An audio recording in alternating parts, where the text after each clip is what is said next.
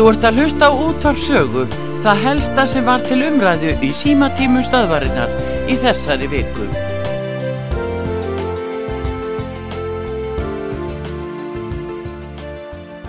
Gjörðu svo vel. Já, blessaðan Pétur, ég heiti Ragnar. Sæð Ragnar. Já, Ég er nú komin á þann aldur, ég mann hvernig var að búa í Borg Davís. já, já, já. Hmm, það var nú bara, það skoti gott bara. Já, það er frá árun 82 til hvað, 90, 90 91. og hvað, þrjú? Nei, var það ekki, nei, hann, það var held hann ekki hætt, var, Var ekki ekki 12 ár? Já, hann hefur verið í, var hann, nei, var það það svo lengi? Það var miklu, Æja.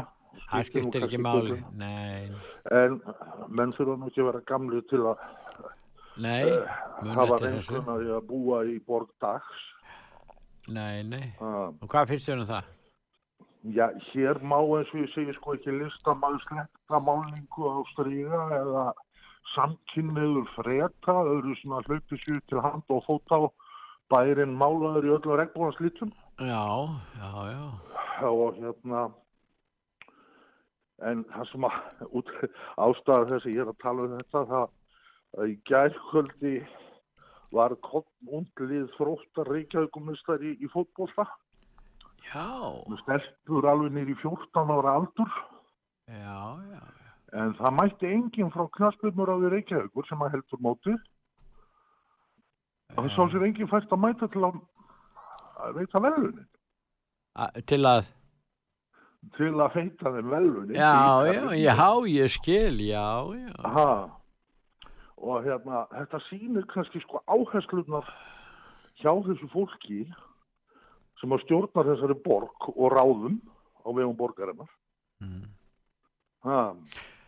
Og ég var að segja fyrir mér sko, þetta eru sko stelpur allir í 14 ára aldur já, og þróttur hefur nú kannski ekki verið stærsta félagi hérna þegar kemur að árangri undanfærin ár nei, en þess nú geta fyrir nokkru dögum var Valur sko Reykjavíkumeistari í Karla. Já, já, já, og það var mikið úlumhæ sko. En þessi jafnréttisborg hérna já, Reykjavíkuborg þeir sáu sér engan já, þeir sáu sér ekki fært að mæta þess að að veita velum sko. Og ég, þetta, þetta kannski síni sko þetta kannski síni populismann sko. Ef, ef það er eitthvað sem kemst í alveg í fréttir þá eru þeir mættir já. en, en sjá sér ekki fært að gera það þarna sko. En má ekki búast við talsverðu breytingum núna í þessum kostingum? Framsóknarmenn að koma með, þeir komi engum manni að síðast.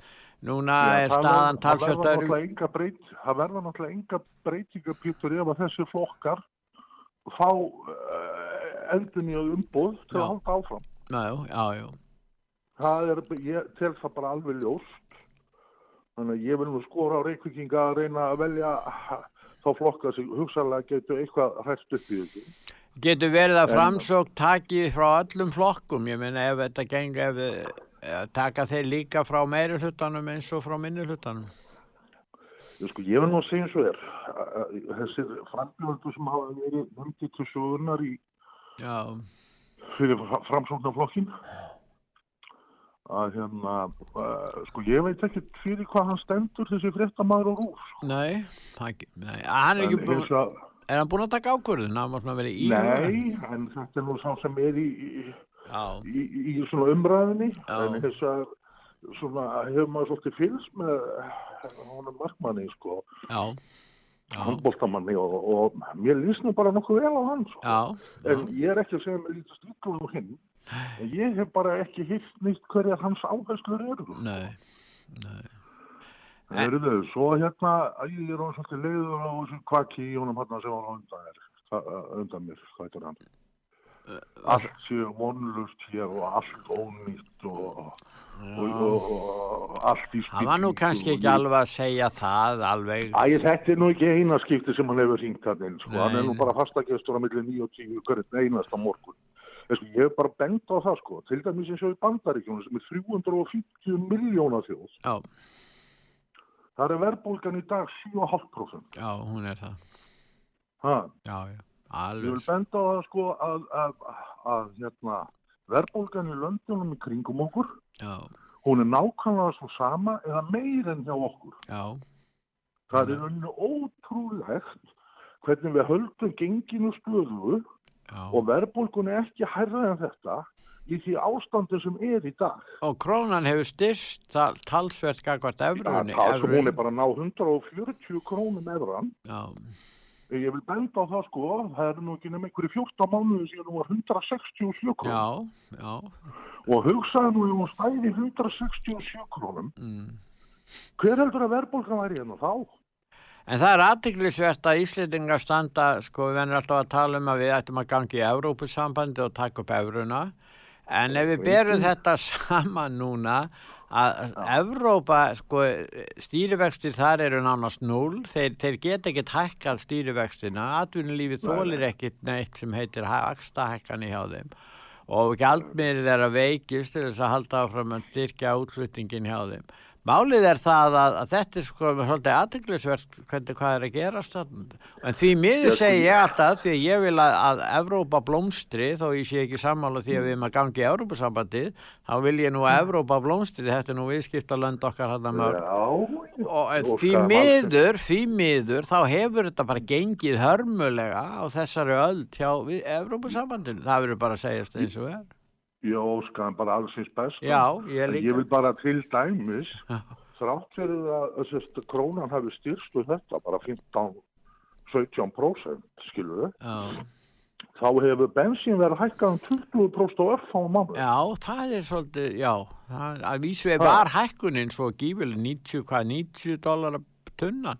Já, og hún er að hækka ennþá meira núna út af þessari fáralegu deilu þarna við rússana sem að, ég- sko, ég átta nú ekkert á því hvaða leikaraskapur er þarna á ferðinni. En þetta hefur átt eh, þátt í því að hækka olíuverði líka. Já, já, ég bara tók þetta í gær sko í teknolíðs bensin í Costco. Já, og það er ekki margir mánuður. Ég ætla nú ekki að fullir það, fimm mánuður sem ég var að kaupa þetta bensin á 201 krónu. Já, og það er skriðið 250. já, já, Ha.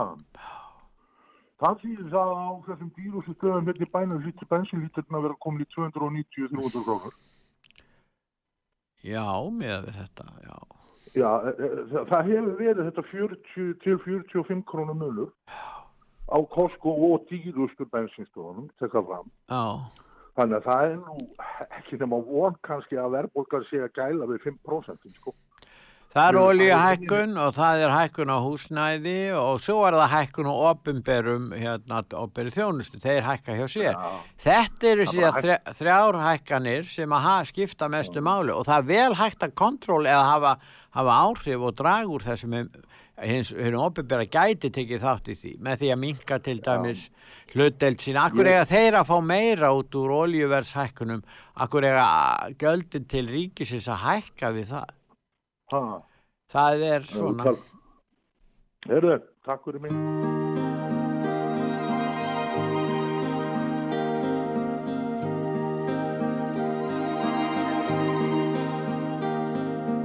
Legð aftur augun þín skær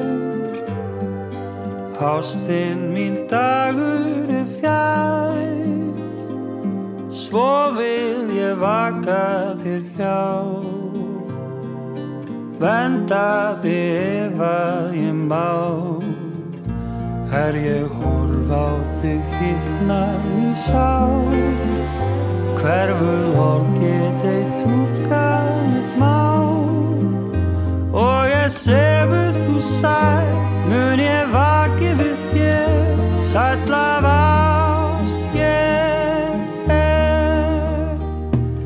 Sefur þú nú sætt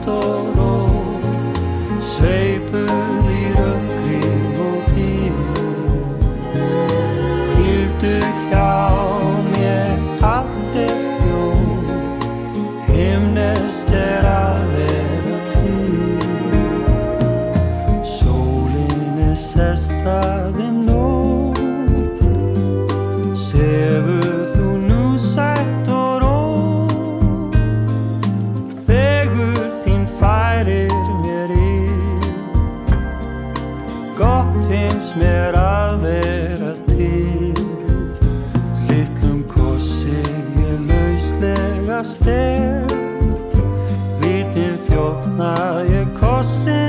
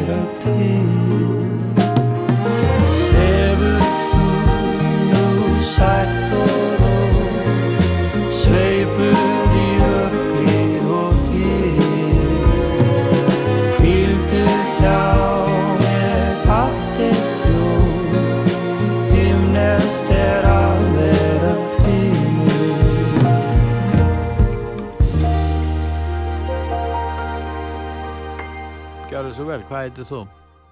Já, góðan daginn Petur, ég heiti Guðmundur Baldursson. Sæll og blessaður Guðmundur. Ég voru að tala þetta með ebling í morgun, Já, kostninga til eblingu. hvað finnst þér? Já, ég hef nú kannski til að gera grein fyrir mér, þá er ég einn af þessu sem er að bjóða sér fram til Já, ég sá því í sjónvarpi í gæri hvað er í kastljósinu? Já, Já, já, ég bara, hérna, til þess að, hérna, fara yfir þetta allt saman að, að þá voru þessi leikur dálítið ójafn vegna þess að Sólvi og Veiðar eru náttúrulega búin að vera e, á fulli í þessu frá því að þú sögða sér. Já, og það er alltaf að komið fram líka að hérna ef þú er með mann í vinnu og hann ákveður að hætta eitt tveggjar á starf já, myndur þú þá borgunum sex mánada byðlun? nei, nei, Nei, held ekki. Og viðar með sjö mánuði í starflokk okkur er hann með sjö og hún sex? Jú vegna þess að hann let mánaðamótin ný líða koma nýja mánuður og þá fekk hann sjönda mánuðin þannig að þau voru með sex og sjö mánuði og þau hafa náttúrulega verið á fullu og endurbúa þessar kostningabartu allan tíma og ekki í vinnun en bara þetta. Já. Hver er munurinn á þinni stefnu og stefnu eh, hérna fyrirverandi formans? Já, hann er eiginlega fyrst og verðan sá að, að við viljum taka grassrótina meira inn í störfæflingar. Það er verið erfitt að fá fólkið í grassrótinu inn í eflingu.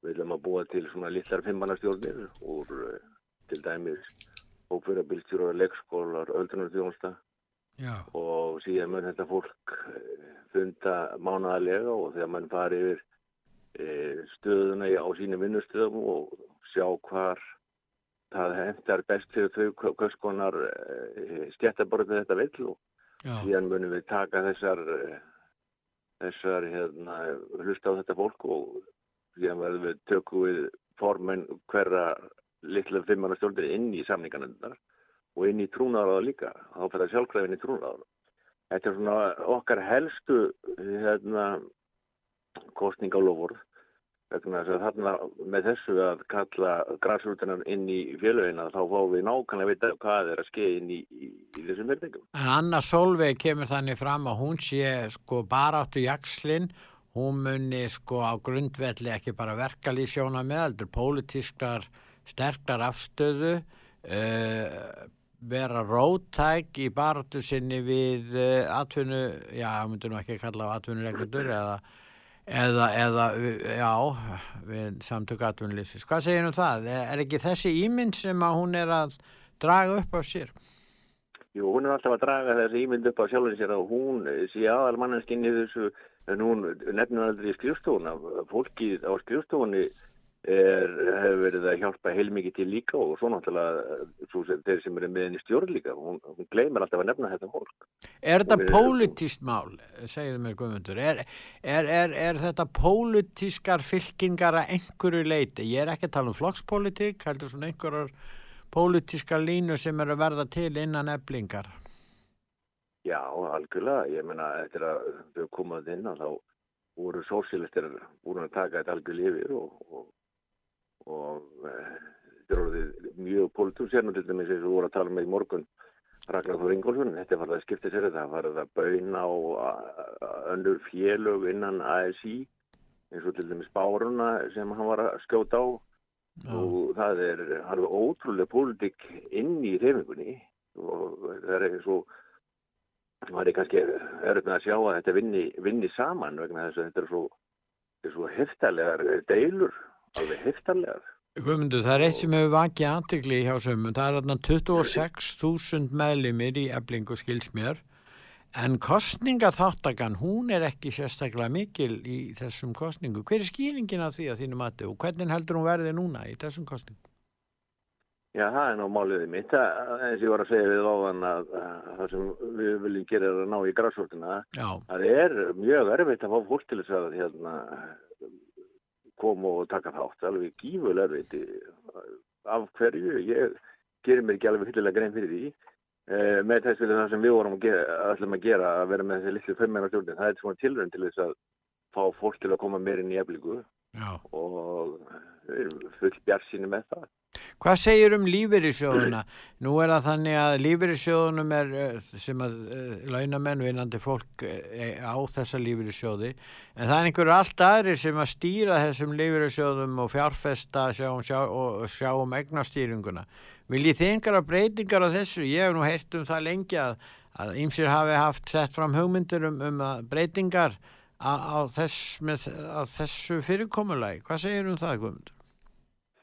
Jú, jú, það hefur verið, hérna, við hefum talað lengi um það að það er við sem eigðum þessu sjóðu. Já, þið, já. Það er ekkert í þessu. Nei. En við veitum alveg hvernig þessu sjóður eru notaðir. Þetta er einhver ára að venda á það að sé, hérna, bankar aðmjölvísins og, og þeir sækja mikið það myndilega sem var lán og við tekjum það til mjög svo barðinástunni. Já. Að já. það eru lífeyrstjórnir er að er að kaupa hluti í fyrirtegnum, helmingslut og þið voru að tala um það en dagi líka varandi, varandi verslun og þjónustu. Það er ekki 70% í þessum stæðstu og sama, sama tíma eftir nöðböðu til þess að borgi, borgi þessi sjóði og, og svo tekur þetta að þeir í, í vestlunni, skiljum, alls konar helvítis ofri en Jú, jú, það er eh, erfitt að breyta þessu vegna þess að það setur helmingurinn af aðbyrningum inn í, í lífelsjónum eins og til með skildi. Það var til dæmis fyrirtæki Festi sem er svona fjárfestingafjöla á mörgum fyrirtækjum. Eh, þar eru nokkru einstaklingar sem eiga litla hluta, kannski 1,9, það eru þeirri þrýr sem eru þarna kannski með 5-6% hlut. Þeir stjórna allir fyrirtækjunu því að lífriðsjóðanir eru passífir varðandi, þeir eiga þetta mestuleiti meiri hlutan, lífeyrisjóðnir, en þessir fámennu einstaklingar sem eiga, jú, eitthvað í þessu lítið, sammeila kannski þrýr sem eiga 5-6%, þeir, þeir eru ráðandi í fyrirtækinu. Svona er þetta hagkerfi reki hjá. Já, þetta er sko, Sigmundur Davíð hefur oft bent á þetta að að það ætti að reka lífeyrisjónu landi með sína fjárfæstekur og, og ég get alveg tekið helsjóður undir það og miður við það sem vorum að tala um á hann að lífelsjóður eru komnir hér út um allt í íslensku samfélagi og eiga þetta uppmyndir helmið slutt og eru ráðandi í mörgum fyrirtækjum. Já, já. Þetta, er, þetta getur ekki talist eðlegt og, og það er krafa um arsemi upp á hvað ekki 28% við tóðum það. Jú, og, og eins og segi við erum nöðböð til þess að borga í þetta en, en vestlum svo við þetta og erum tekinn já við viljum ekki botna endan á þessu nei, Þú þú skilur hvað ég á við? ég skil. Þetta er, þetta- þetta sko, svo má ekki glema því með fyrirtækinu landinu, þetta skekkir svo samkefnustöðum. líka. Já, það gerur það. Sjá, til dæmis eins og, eins og, og kynnisverði til dæmis, það er helmingurinn af því eru lífyrirsjóðahend og Já. greilan líka. Já, já, Þetta er erfitt að keppa við þetta. Verið þá sem ekki eru með einhverja lífyrirsjóð inn í, í sínum fyrirtækjum. Það var það ekki að vera mjög erfið. já, hverju spáur um útkomuna í að lokum í, í þessum kostningum og hvað, svona, þú, hvað hefur á tilfinningunni? Ég, ég, ég veit að Þeir eru þrjú, þeir eru þrjú sem er keppið, það eru þrý listar. A-listin og B-listin og, og svo þinn listi, er það C-listi? Það sé list, já. Já, Ég, ég segi nú bara eins og handbalt til orðið sé alltaf, við verum í hvert leik til þess að vinna og já, það er ekki bara ágætt að segja það. En svo vil ég nefna líka hérna, Pétur, að að er ellettegrein í, lögum eflingar. Þar kemur fram að e, stjórnamaður hefur rétt á því að kalla fram trúnaðaröflýsingar meðal hann starfslokasamninga og, og sjá um mannaraðningar. já, Þetta er, er baráttulistin með henni Solvu, hún ætlar að afnema þetta, þessa, þessa reglu að stjórnamaður hefur rétt á að kalla fram þessu örflýsingar. Hvað þýðir það? Jú, það þýðir það að hún er að minka líðræðið innan eflingar. Hún verður algjörlega einn ráð. Uh, Solveig er, hún þólir ekki neina gaggrinu. Þá hún bendar, bendur hún á þau sem óvinn sinn og óvinn eflingar. Þetta tekir fólk sem vil enda bara kantið hana. Hún er, hún, hún, hún sko er, uh, hún á að vera í frontinum en hún, hún búin að sína það að hún getur ekki haft mannafóra hvað þá fjárráð það hefur hún sínt alveg eh, eins og til dæmis eins og með skrifstofana 130 miljónir í, í hérna, starfslokkarsamninga veikindir eftir annað þessar þetta er náttúrulega ekki, þetta er ekki báðið hvað finnur fyrirtæki á Íslandi sem með 50 manna starfsmanna veldu á, á rúmlega þreymar árum? Ég bara fullir að þú finnur þetta nokk hver ekki nokkuð staðar. Hver ekki nokkuð staðar. Þetta að, fólk, hún Solveig og svo ætlar hún að tvístra hún ætlar að tvístra starfgjörnum samandinu hún ætlar að, hún er búin að lýsa þessi yfir hún ætlar að fara út úr uh, ASI hún er búin að sagða það nú í sjónvarpinni gæra að, að hún tristir ekki fórustu, fórustu hérna, ASI, það er að segja drífu. Hún sagðist ekki ætla, hún sagði nú ekki hún ætlaði að fara úr ASI, hefur hún sagt Já, annars hún- það? já, hún er búin að tala um það hún er að, á móti þessu apparati og Ebling borgar mikið í þetta hún og fyrsti varafósiti þarna og, Mm, og saði náttúrulega af sér og hún ætlaði að sækja um starfskunni sambandi frangustjóri þess líka, eða formað þess líka Nú, Guðmundur, við verðum vist að fara að þessu. Ég þakka þið fyrir að ringja til okkar hér á sögu. Já, takk fyrir það. Þið fyrir blessaður.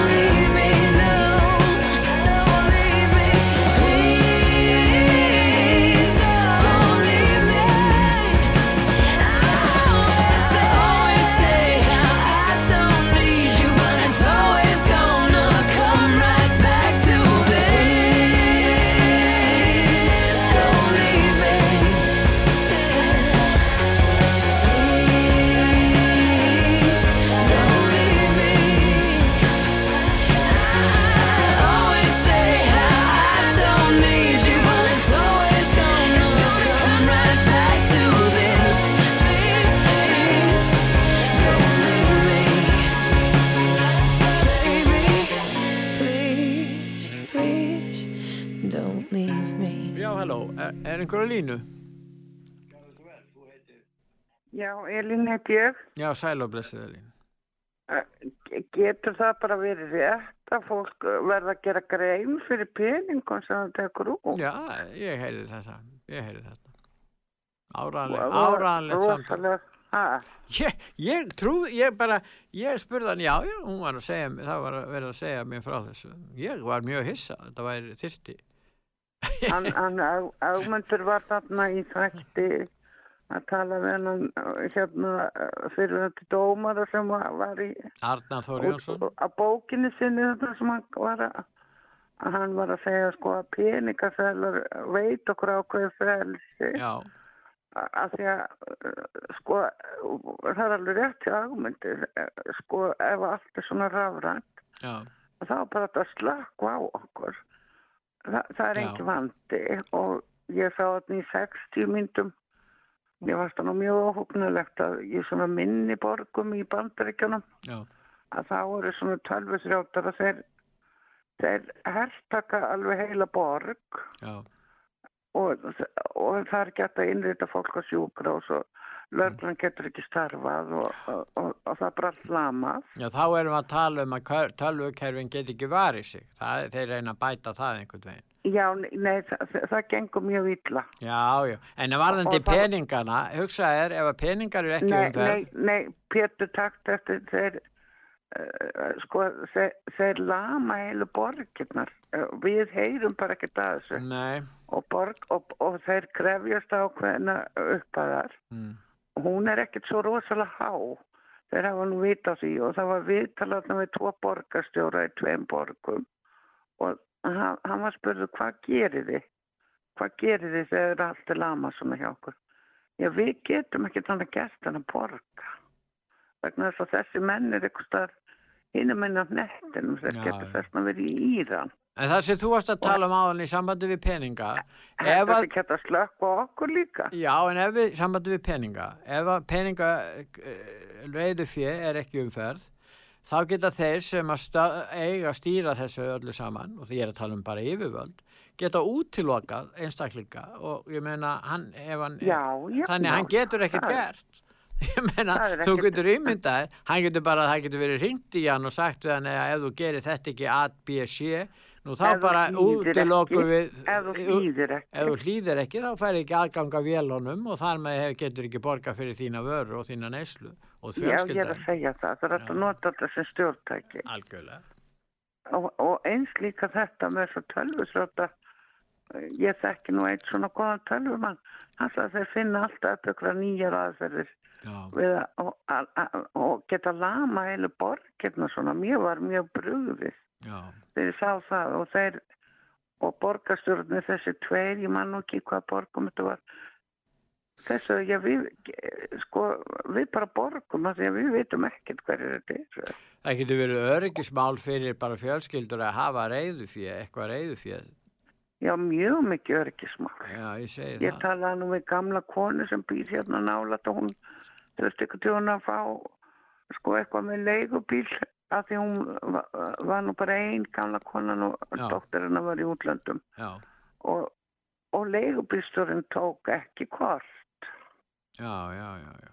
hann tók, þeir taka ekki kort. Nei, og hann kefti fyrir hann einhverja vörur. Já, og hún hvorki katt borga leigubílinn eða eða vörurnar Já. eh, með korti sko. Nei, það var, það var ekki hægt nei þannig að, að, að auðvitað er þetta gríðarlega mikið öryggismál ég veit ekki hvað er, hvaða fasis með það að, að fólk með ekki hafa peninga Þeir vilja fylgjast með, þeir segja að þetta sé af öryggisástæðum að fylgjast með því að fólk sé ekki í peningaþvætti, skattsvikum eða Akkur er svörtum grunar allan peninga þvætti Já, þetta er orðið Hvað bara... það er þetta? Já, Er þið svona brendir eftir hrunni? ég veit ekki.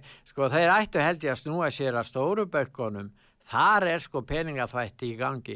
Þeir eru alltaf Ég að eldast við litlu dvergana hérna sem eru, þeir eru að ímynda sér að þeir séu að brjóta laun sem þeir eru alls ekki að Ég, gera ég fekk endilega. ekki fyrir greiðslu með eitt eða neitt fyrir ég var búin að fylla út af með stórt eigðublaðum og ég væri ekki að þvætta peninga. Já, já, já, já. Það þurfti allir að skrifa undir og eitthvað hérna, já, já, Já, já. og, og hérna, og að, ég, þetta var að fyrirskipa sæðlabanka, svo að sagt, að, að hérna, ég skil ekki akkur að gruna, ég heldur að þetta að vera betra á Varbergi hérna fyrir hrunið, eh, hérna, þá, ég held að þetta, sko, fyrir þetta að ég hef aldrei geta skilið það hvernig nokkri pólitíkusar geta verið svo heimskir og vitlausir að selja mönnum banka sem áttu og fyrir þeim. já. Sko, ég hef aldrei ná, hausin á mér er aldrei náðu utan um það. Sko, Já, sko, en ekki- ef að ég spyr, ég er nú ekki, ég er hlindur sko engarekstri og ég er hlindur samkeppni, en ég spyr bankar sem að sína enga samkeppni og er ekki með neina samkeppni, hvers vegna eiga þeir að vera í eigu einstaklinga? Akkur er ekki eins gott að bank, ríkið eigi þá, fyrst að, fyrst að er ekki samkeppni á milli bankana. það er- ef þú ferði í þessar þrjá aðalbanka, eða jafnvel fleiri, þá eru sömu vextir allstaðar. Já, já, já, já. Að Ísland er svo rosalega lítið land Já, að, að, að það, sko, það, það er svo erfitt að það er betra, sko, bara með við hvernig þetta hrun varð, já. þá er betra að þetta sé bara ríkiseg. Ég, sko, eins er, eins og þetta er rekið, eins og þetta er rekið, þá er þetta engin samkefni. Sko, til þess að, að hérna, eikarekstur geti þrifist, þá á auðvitað og, og réttlætanlegur er að það ríki samkefni. Ef að hins vegar á innleiða atvinnustarfsemi, einogrunastarfsemi sem, og einogrunastarfsemi varin á ríkinu og síðan hyrða einhverju einstaklingar einogunar hagnaðin á kostnaðan neytandans, það á ekki að líðast, það er bara glæpsamlegt aðtæfi. Og þetta er það sem við erum að, við erum að horfa á hjá okkur. Já, Og, en, en ég, ég bara, hann Benedikt hérna sem var fjármálar á þeirra, hann var þarna í þætti hjá ykkur. Já, og þá, það var, sko, uh, ég held að hann hafi tapað kostningunum reynilega út af þessu. Hann slóði fram að það ætti bara að taka peningana af fólki. Nei, hann vildi hætta við, ekkert. já, stærstu seðlana, var ekki 10.000 krónar Nei, seðl? nei, já, já, svona það ætti ekkert að, fólk ætti ekkert að fá að hafa meira. En, en ég, ég þakkaði fyrir. Takk æði fyrir, við erum að ljúka þessu núna.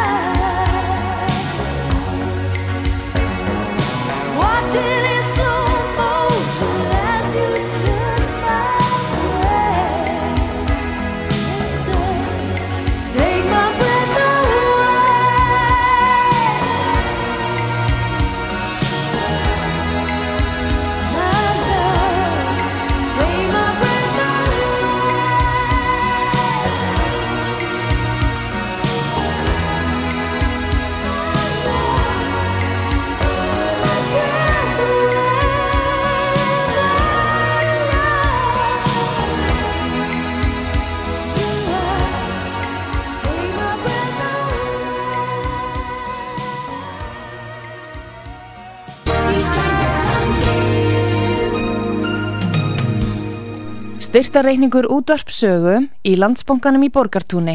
Útibó 133, höfubók 15, reikningur 10100. Nánari upplýsingar á útvarpsaga.is. Takk fyrir stuðningin.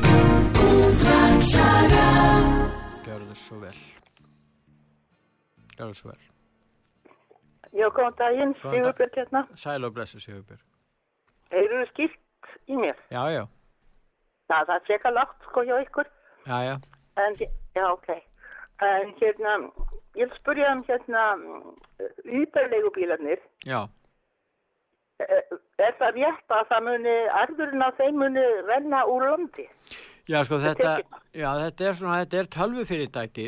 Þetta er svona tölvukerfi sem koma fyrir í, í bílónum og hérna, og já, já, arðurinn, þetta er bara alþjóðlegt fyrirtæki og, og hérna, þeir taka, ég veit ekki hvað taka mikið af bílstjórinu, 30% kannski og þetta rennur bara til þeirra og, og, hérna, og, og, ja, Hverju græða hér heima?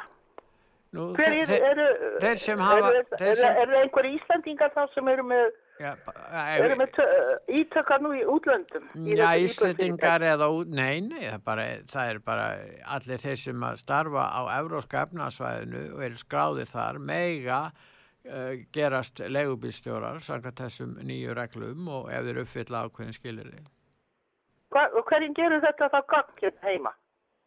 Það á, sko, hugsunni hjá þeim er að þetta auki samkeppni, það er þetta á eiginlega, allir þetta ekki hugsa að það verði lækka, að verði lægri verð vegna, já, bíl, vegna, vegna bílferða. Svona eins og með Costco og fleira. Já, allir, sko það er náttúrulega, ég, já ég meina, ég, sko ég held eins og, eins og sumir halda fram og halda því fram að, jú, jú, þetta kannski lækka verðið en það þýðir það að menn er verið að bæta það upp með öðrum hætti og þá kannski er þeir að selja ýmislegt og Já, þeir gera allt fyrir, allt fyrir hérna, Já. hérna fjármálabraskara, eitulifja, braskara. já, og Ættis ekki braskara eftir, eftir, eftir, þeir samþykja lögin um leigubílakstur og eftir þeir samþykja lögin um hérna neyslu skamtana á þessum e, eitulifjum þá er ljós. Þá kemur þetta. Þa, já, þá er það þannig að lögreglan getur ekkert fylgst með þessu. Þannig að einhver aðeili, hann má koma að Euróskapnansvæðinu, hann er að selja dóp í sínum leigubíl og síðan kemur lögreglan og gerir aðtúasemdir og þá segir leigubílsverður þetta er bara neyslu skamtur farþegans já, ég er að það er- manninum uh, neyslu skattum. Já, já, þetta er bara neyslu skamtur, þetta er bara hans mann, þeir svo koma einhverjir sem segja þetta sé mannréttindi, hann, jú, jú, og, hérna, og ferða, felsi og mannréttindi hans og neyslu réttur og ég veit ekki, Þetta neytenda fallegu orðin hérna. Já, Sjálfræði og mannréttindi Já, og, þetta er allt komið þarna megin. Já, já, allt komið þar að vera og sko það sem gerist þá og lögreglan byrjar auðvitað að reyna og veit eitthvað um það hverjir þetta eru sem eru að selja og þeir vilja kannski fara að stöða þetta. En þá þýðir það ekki neitt. Þannig að þeir segja bara lögreglum við getum ekkert við erum fáliðar við getum ekkert verið að eyða tíma í þetta. Þannig að, að, að smámsaman verður baráttan gegn þessu alveg vonlaus eða vonlítil að minnstakosti Það er alveg, það á að breyta Íslandi í, í Macau, Macau, hérna, norðurlandana, held ég. Já, Það, við, það, það eru ábyggilega til dæmis barnavændishús í harðri samkeppni, já, Macau. já, Þú getur ábyggilega pantaði barn eða börn upp á hótelherbergi, einski spurt og Já. þau verða fjarlægð. Í sama í hvaða ástandi þau verða þegar þau eru búin að, nota þau en, og það er svo, er sérkennilegt, sko, sjáðu til. Ef að fólk er að vara við og benda á að svona hluti gæti þróast hér, þá er bara að hleyja því, nei, þetta er bara vitleisa, þetta gerist ekki hér. Vegna sem við höfum ekki búið við þetta, sem betur fer, en þá getur þetta alveg breyst eins og orðið, orðið eins og annar staðar. En íslendingar margir vilja bara ekki trúa því, eða bara einhvern veginn uh, vilja vinna gegn því að, að, að, að menn gaggríni þessa, þessa breytingar. Það er ekki öðru vísi. Og við tölum til þess að Svíþjóð, við erum átt að tala um það hvernig ástandi hefur breyst þar á einsum ástæðum og menn bara vilja ekkert uh, viðkenna þetta, er sömur miskust ekki. Þau eru heila þegin, það er búið að gera eitthvað við þau. Það, þau fara á ákveður luxushótel. Hvað er þessi búið að fykta í þeim í svefni eða eitthvað? Ég fann að hugsa það. En er gerum, gerum ráð fyrir því að mjög margir Íslendingar sem hafa góðar tekjur og hafa talsverð áhrif og eru kannski ráðamenn sumir eða tilhæra slíkum fjölskyldum eru að nota allums kókain.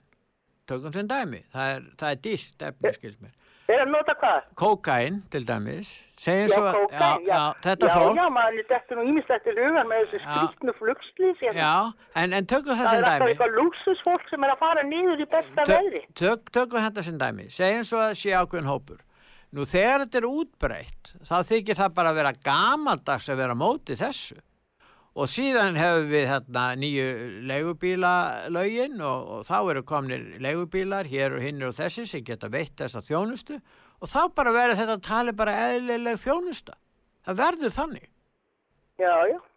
Það er það sem ég vilja og það, og það er svo undarlegt að sjá þetta fólk sem að kalla sig hérna vinstri sinna og sósíal fólk sko, Já, já, að það stýður þetta af Já, öllum algjörlega. með því að leggja niður landamæri og svona sko allt og, og strjálst flæði peninga og, og vinnu alls þetta er allt bara fyrir glæpamennin En aðteglisverð með frjálsflæði peninga, ef þú ferði í banka og tekur út og segist alltaf takk út af reikningilínum peninga, í bara í seðlum, þá verður þú að gera grein fyrir því hvað þú ætlar að nota þá í. Vissur það? ég, Nei, ég bara ég talaði við, ég talaði, ég talaði við konu, eða einstakling, sem var að gera þetta og hún þurfti að fylla út, hún þurfti að fylla út bara hérna, uh, já, bara eðublað og útskýra hvað hún ætlaði að gera við peningana, hvers vegna hún væri að taka það út. Og ég, og ég hef hert líka frá öðrum að þeir get ekki nota seðla. Ég meina það er eins og þeirra að útiloka það að lögum sangkvæmt eigi bankar að taka við og greið út seðla. Þetta er bara lög um, um, um, um, í landinu um það en þá fara þeir ekkert eftir þessu það er verið að vinna því að útrýma peningaseðlum sem þýðir það að Já, það bara, það er verið að takmarka-. Já, það er verið að takmarka frelsi fólks þannig að hægt sé að fylgjast með öllu því sem það gerir Já, við eigum bara að taka upp síman eða tölvuna og panta til okkar allt sem að við þarfnumst og það átt að vera hvernig var það, uh, hvernig var mottói hjá þeim. Uh, uh, ekki here and now, það var, uh, Engin á neitt og maður átti, það átti, uh, uh, uh, uh, uh, uh, engin átti að þurfa að vera með lag eða þannig að neinu ráði. Nei, að það yrði bara allt afgreitt jafn óðum og fólk bandaði. Ég þakka bara þá fyrir í dag. Þakka þið fyrir, blessuð.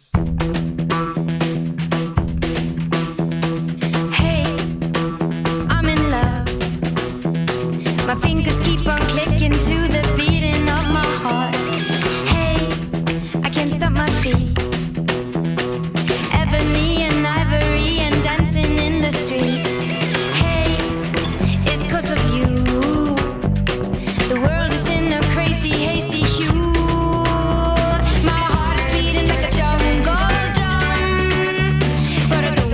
Ba-da-dunk-a-dunk-a-dunk, dunk, dunk, dunk. My heart is beating like a jungle drum. Rock-a-dunk-a-dunk-a-dunk, rock-a-dunk-dunk. My heart is beating like a jungle drum. Man, you got me burning. I'm the moment between the striking and the fire.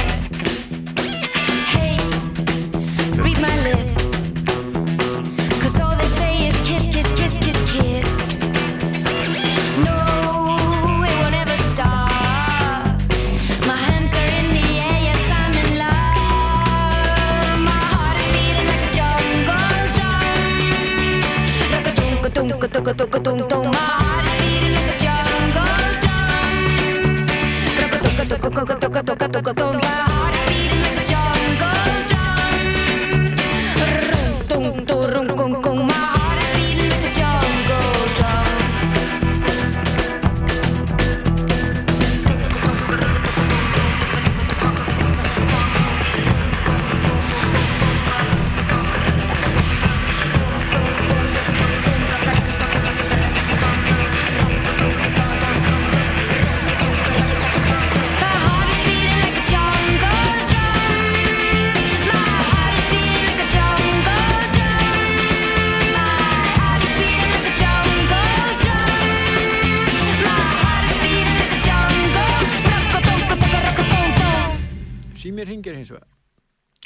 Gjörðu svo vel, hvað heitir þú? Pálmi heiti ég. Sæl Pálmi. Ég hlustaði þarna á leigubílstjóran hjá þér í gær. Já, Það var gott að heyra, heyra hann tala og, og segja frá. Gunnlaugur Lingvason, já. Já, en ég held að það muni vanta á háttist alþingi einhvern sem veit eitthvað um þetta mál. Og þegar að menn er að fjalla um atvinnu öryggi í allavegna 500-600 manna, eh, þá held ég að, að þessi þingheimur ætti nú óska eftir að fá svona mann inn í þingi til að segja þeim hvernig þetta er upp og já, bara yfir heldina í þessu máli vegna þess að ég er sjúr á því að þessir þingmenn okkar 63, 3 þeir hafa nú lítið eitt tíma sínum í að skoða þessa, þessi mál og, og, og, og hérna ég bara skora hér með á þingið að, að kalla inn þennan mann og fá að hlýða á hans hans hérna málfar og, og, og hvernig, hvernig hérna hann leggur málið upp Já, hann, hann skýrði þetta ágætlega með skýrum hætti, hann Gunnlaugur. þetta var bara, þetta var bara mjög gott að, að, að hlusta á hann því hann var ekki með neina, neina takta í, í, í, í þá átt að vera, vera hérna að draga einhverja plúsa upp sem ekki voru til, hann bara sagði þetta eins og þetta var Já, og það er nákvæmlega það sem þingheimur þarf að fá að vita. Svo ætla ég nú bara ekki að hafa þetta meira Pétur nema ég bara þakka þessu manni fyrir mjög góða, gott erindi hjá þér. já, takk að fyrir það, Pálmi. Blessaður. Takk.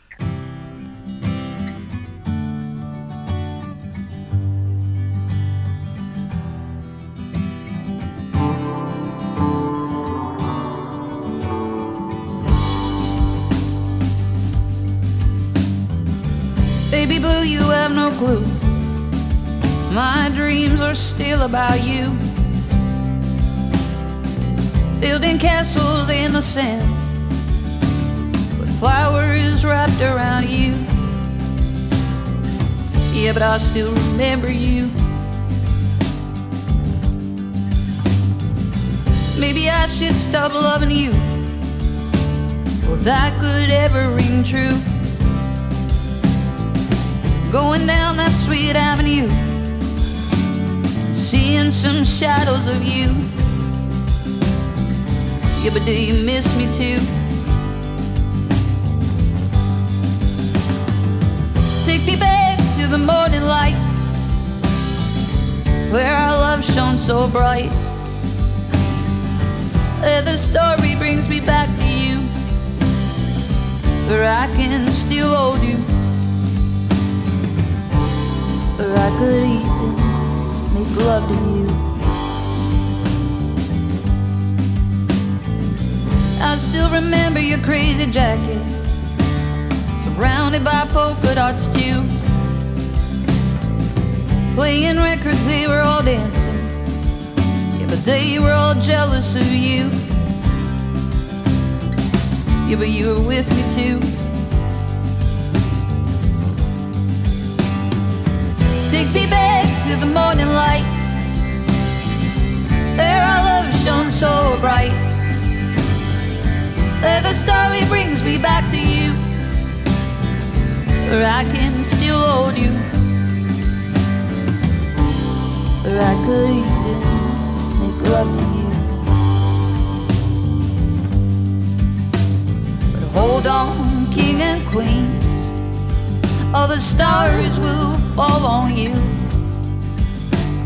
And old school men still shining their shoes, cause they got work to do. Oh, yeah, but so do you.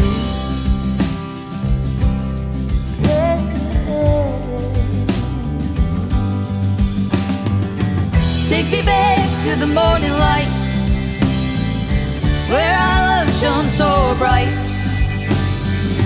where the story brings me back to you, where I can still hold you, where I could even make love to you.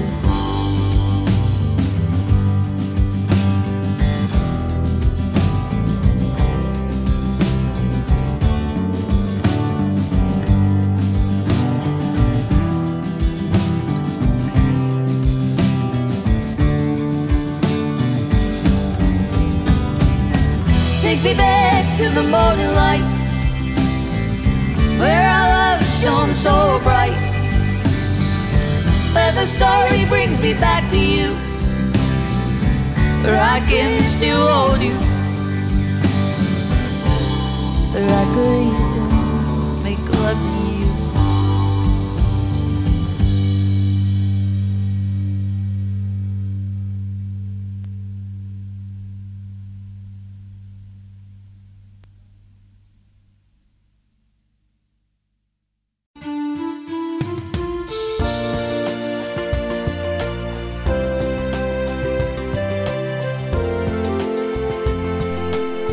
Þú ert að hlusta á útvarp sögu, það helsta sem var til umræðu í símatímum stöðvarinnar í þessari viku.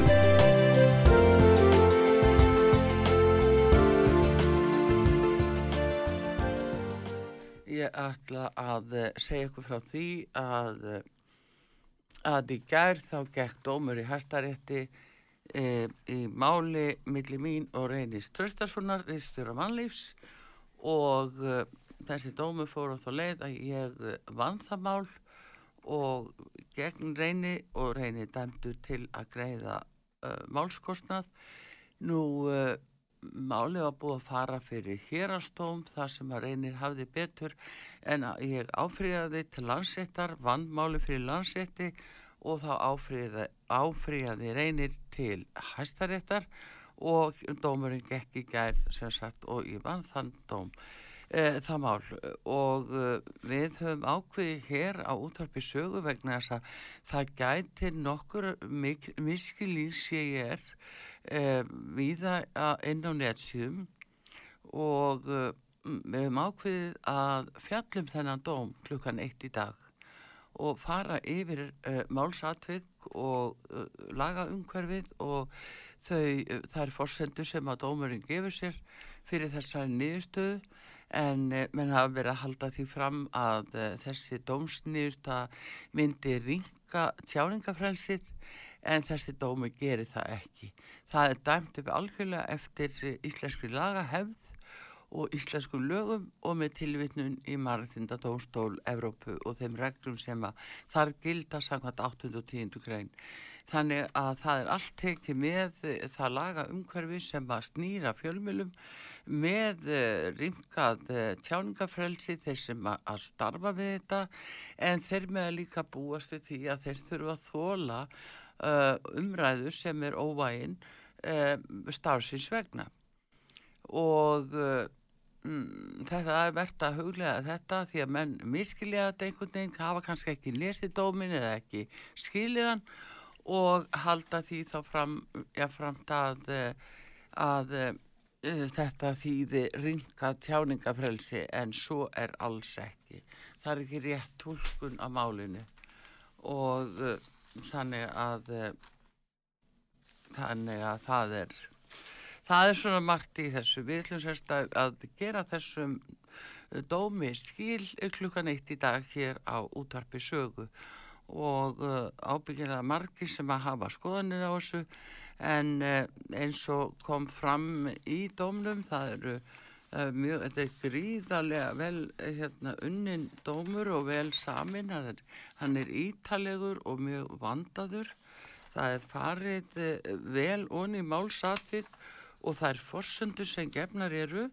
En það sem mönnum hætti svolítið til við þegar þeir eru að fjallum dóma það er að taka ekki á heldar yfir sín sem að uh, liggur fyrir forsöndum niðurstöðunar og það er, uh, það er það sem hefur nú miskusti algjörlega glimst í þessari umræðu. Og ég ætla aðeins að víkja því að þarna til dæmis er minnst á það að og haft eftir mér inn í málskjölum. Og ég er að vitna til þess að hvernig ástandi í þjófélaginu var eftir hrun og þá segir þar orðrétt og bein tilvittnun í dóm hæstaréttar Það var gríðarlegt siðróf í þjóðfélaginu eftir hrun, alveg ofbáslegt siðróf og það byrtist meðal annars í orðræðu fólks ekki hvað síst inn á netmilum. Það byrtist í aðtöðsendakerfi og inn á Facebook. Þar sem sumir eru óstöðandi en það ná engin lög yfir það. Það er bara í lagalegu tómarúmi sem er mjög alvarlegu hlutur er haft eftir mér. En ég er að reyna að sjá þetta heildstætt og hvar þjóðinni stödd mitt í þessari orðræðu og hvernig í óskopunum það má vera að það hafi verið látið viðgangast allt það sem sagt er og öll svo orðræða sem á sér stað inn á netmiðlum og í aðtúasemda kerfum. Aðtúasemda kerfum. Þarna er beilinist verið að tala almennt um uh, þá orðræðu sem hefur myndast í þjóðfélagi sem að ég tel að hafa orði fyrir síðrófi og hvernig svo breyting, samfélagsbreyting hefur verið að byrtast okkur á síðustu missurum og árum og, og hvernig áhrif það er að hafa á okkur. Eh, fólki finnst kannski í lagi að sjá glanna fyrirsagnir og einhverja milli fyrirsagnir eh, og ímynda sér að eh, hvernig málin eru en það er ekki endilega satt þó sé fyrirsögn. Og það er það sem ég er að vara við og er að vekja fólk til umhersunar um uh, út frá bara fjölmila læsi að kokleip ekki alltaf fyrirsagnir og kokleip ekki alltaf það sem stendur í aðtóðsendakerfum af því að þá hljóti það að vera viðhorf allra og meiri hlutans og allra. Allir segja þetta inn á aðtóðsendakerfi.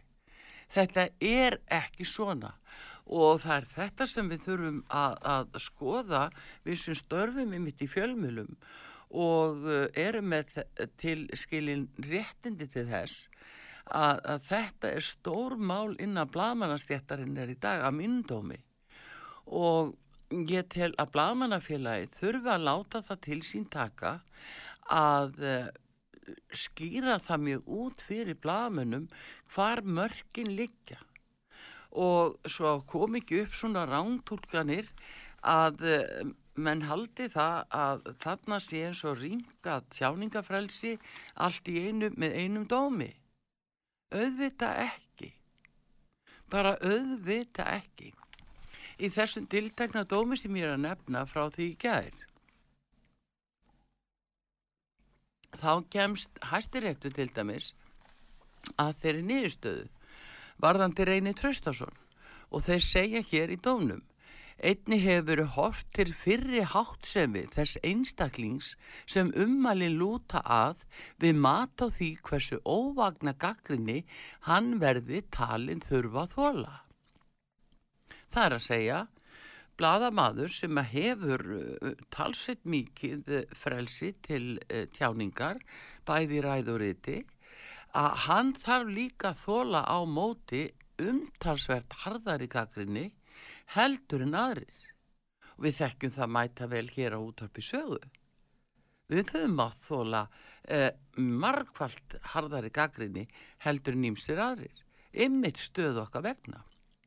Og áfram heldur hæstiréttur og beintilvitnun af því sem fram er komið í málinu verður ráðið að aðal áfríandi sem er Reyni Tröstason hafi verið augrandi í störfum sínum sem fjölmilamaður í áratugi og meðal annars rita bókum þau störf sín, þá hefur honum ítrakka verið stemt fyrir ærumeðingar af fólki sem telur hann hafa gert á hlut sinn í þeim störfum.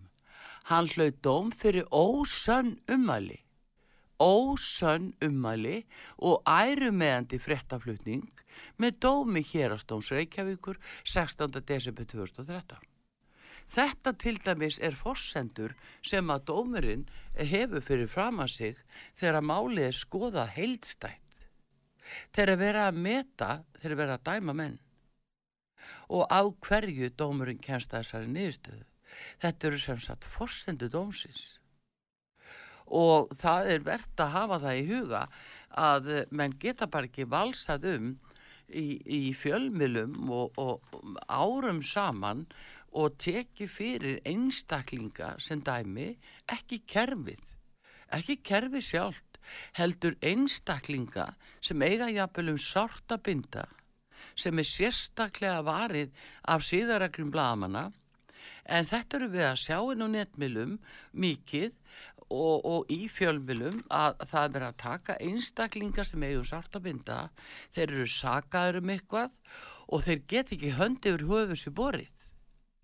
Hvernig verður tilvera þeirra aðila sem verða fyrir slíkum fyrirsögnum, fullirðingum og, og rángindum? Hvernig verður líf þess fólks á eftir? Á það eitthvað líf? Og það er það sem máli snýst um, það er ábyrð fjölmila á að þeir þeir eru að fjallum einstaklinga að leggja ekki líf fólks í rúst í leiðinni. Og það verða bara allir að taka það til sín sem starfinna stjættarinnar. Og ég skora á blamanafélagið að fara af heilundum ofan í þessi mál, hvar við erum stödd. Hefur blamanafélagi yfir höfuð einhverja skoðun á því hvar mörkin liggja? Eða er það bara látið ráðast? Af því einni frekar en annar og allir rættir. Ef ég svara þessum eða hinum og gaggrinni þennan, þá verð ég tekin fyrir næst. Á þetta að vera svona. Að menn geti vaðið uppi, aðtóa semta löst og svo má ekki gaggrinna það að mati sumra. Menn velta sér upp úr því, já hugsa sér að Artrúður hafi sagt, já hann bæri bara ábyrð á, á, á lífi fólks að lítið hafa það á samvisku sinni. Auðvita hef lítur hann að hafa það á samvisku að leggja líf fólks í rúst. Er ekki, er, er þetta mælast til einhvers minna eða meira? Er það ekki bara eðlilegt að menn hafi ágjur af því ef þeir vita því að fólk er helgvalið eftir umfjöllun sem er jafnvel raung og, og, og byggir á sögusögnum og illkveitni? Hvernig haldið að fólki líði sem verður fyrir þessu? Og er ekki tímabært þá að einhver fjölmilamaður hafið þann dög í sér að benda á það og gaggrina þann aðila sem gerir eitthvað slíkt. Skólabóka dæmi. Ef við ætlum að fjalla nánar um þennan dóm sem satt klukkan eitt í dag og ég bara segi, þið skulle fylgjast með því að þetta kemur öllum fjölmjölamönnum við og ekki bara það, heldur öllum þeim sem að eru að nota fjölmjöla og tala í fjölmjölum, skrifa í fjölmjölum og skrifa í aðtóasemda kerfum og líta á það sem sinn eigin fjölmiðl. Það er lítið talað um það hvernig fólk er brytja niður í aðtöðasemdakerfinu. Bóstalega brytja niður. Og það hefur ekki minkað. Eða hvað?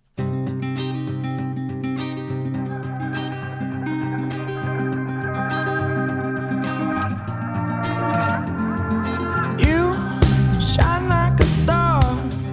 You know who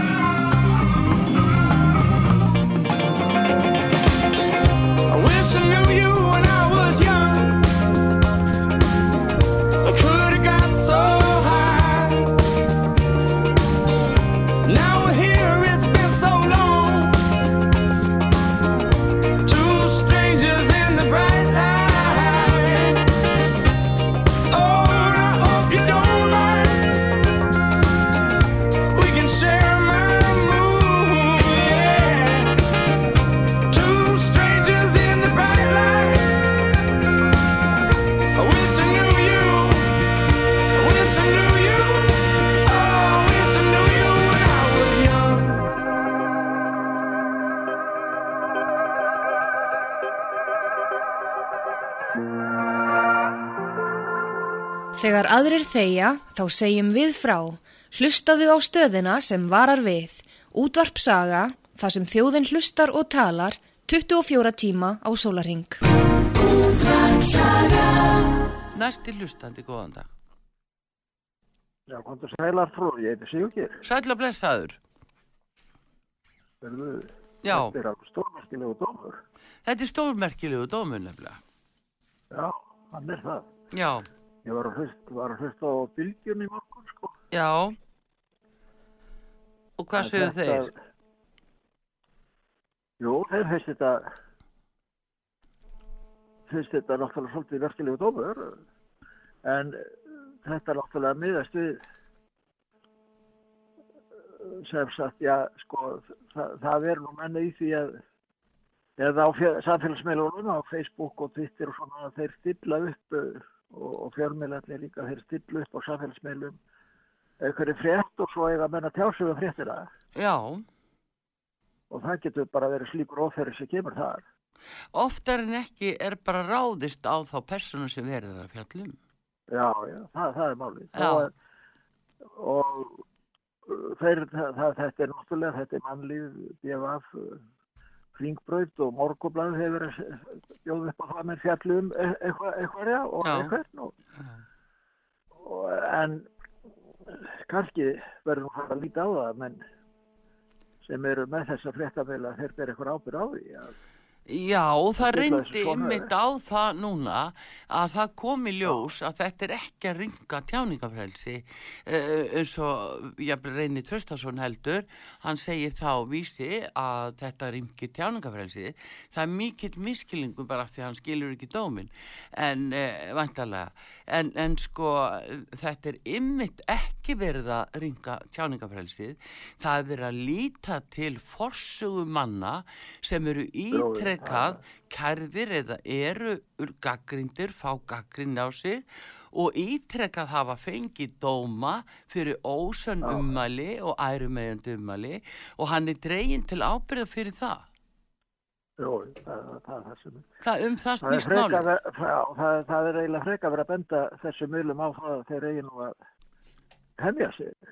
Það láti ekki einhverja menn koma og, í skjóli miðlana og skrifa bara hvað óþæri sem er. Já, já, eins og við sjáum ég bara fyrirsögnum, það kom einhverja glanna fyrirsögnir og svo Já, uh, sko fer ekki saman hljóð og mynd í rauninni því að þegar þú ferð að lesa stundum innihaldið þá er það ekkit Já, í beinum tengslu við fyrirsögnina Nei, það, það það. og það er þetta sem fólk verður að fara að átta sig á og, og þetta hefur svo eh, lamandi áhrif á þann sem fyrirverður að fólk Já. sko það það telur sig jafnvel ekki geta hönd yfir höfu sér borið ef að það fyrir sjálft að svara fyrir sér, nú hvað gerist þá er það, kemur ekki heil herdeild og skýtur það niður jú, þetta er, þetta er svona en það er nú, reynir kallinn hefur nú stundu þetta bara frá því hann var á bryggjunni og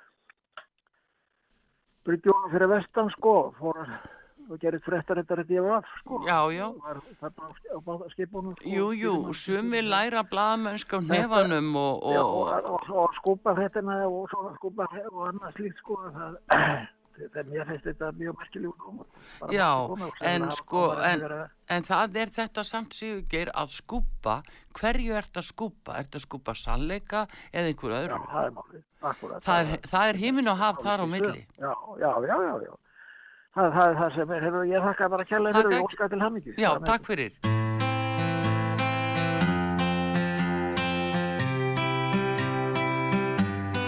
Some days I'm straight.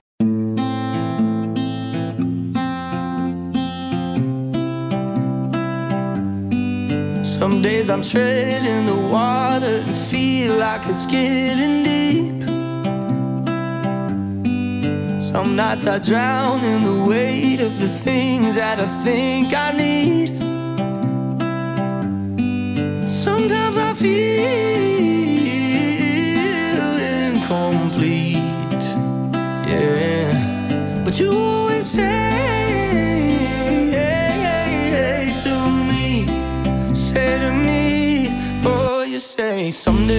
older, we'll be shining like we're gold, yeah, won't we? Won't we? And someday when we're older, I'll be yours and you'll be mine, babe, happy, happy.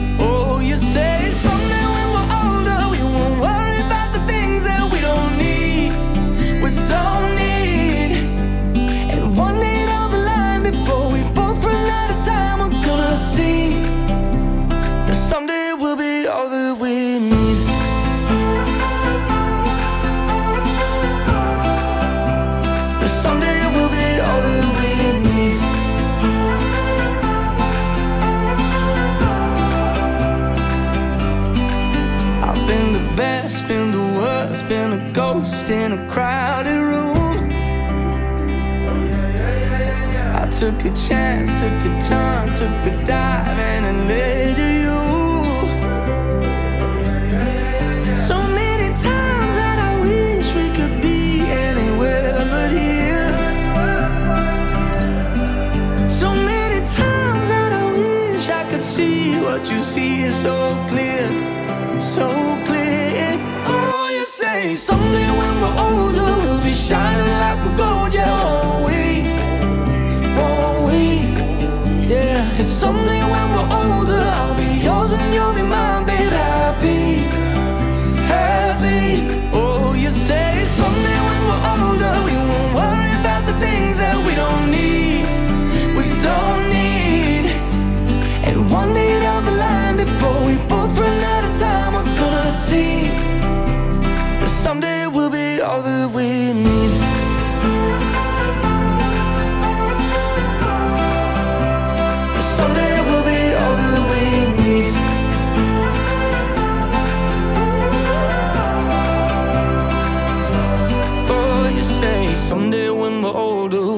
shining like we're gold, yeah, won't we? Won't we?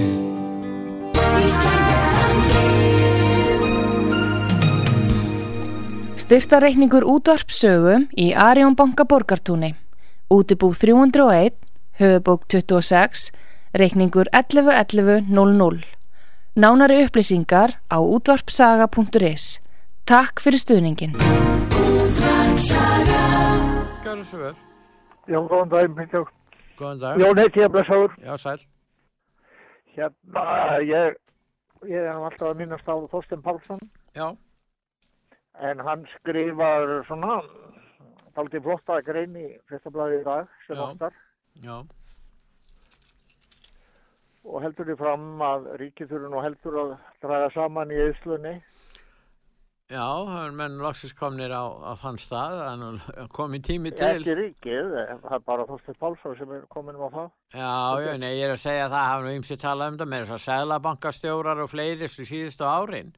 Þetta er Já, mál sem að þeir hafa bent á og ymsir, það er bara ekki hlustað á þetta. Auðvitað, auðvitað vilja menna ríki gegn ákveðinu hlutverki og sinni ákveðinu þjónustu, en þetta er bara farið út fyrir eðlileg mörg og þetta er búið að skada þjóðfélagi og hagkerfi verulega.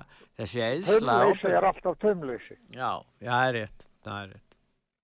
Uh, og hann segir líka já og, og uh, kaupkurfur eigi að vera hólegar og, og hann bendi bara með að mynda hana en ekki hænu. já, Uh, sem sagt að svo ekki ég sko en það var litla gula hænan. sem- já, já, já, já.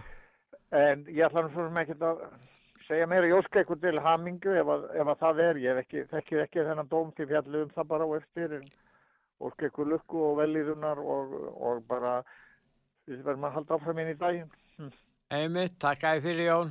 If you want my love, you gotta do what it does. If you want these sweet like sugar Gucci lips, you gotta give it up. I know you think I'm cool,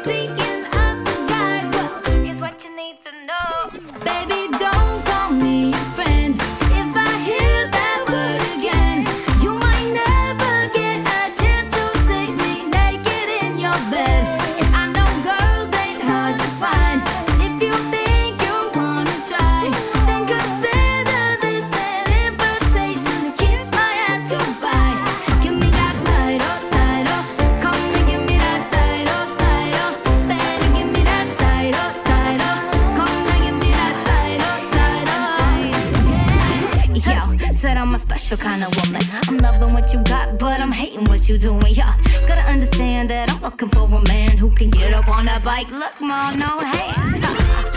You gotta just show me off off. But you embarrassed if that's the case, I'm long gone. You gotta treat me like a trophy, put me on the shelf. Or call me something else. Baby, don't call me your friend.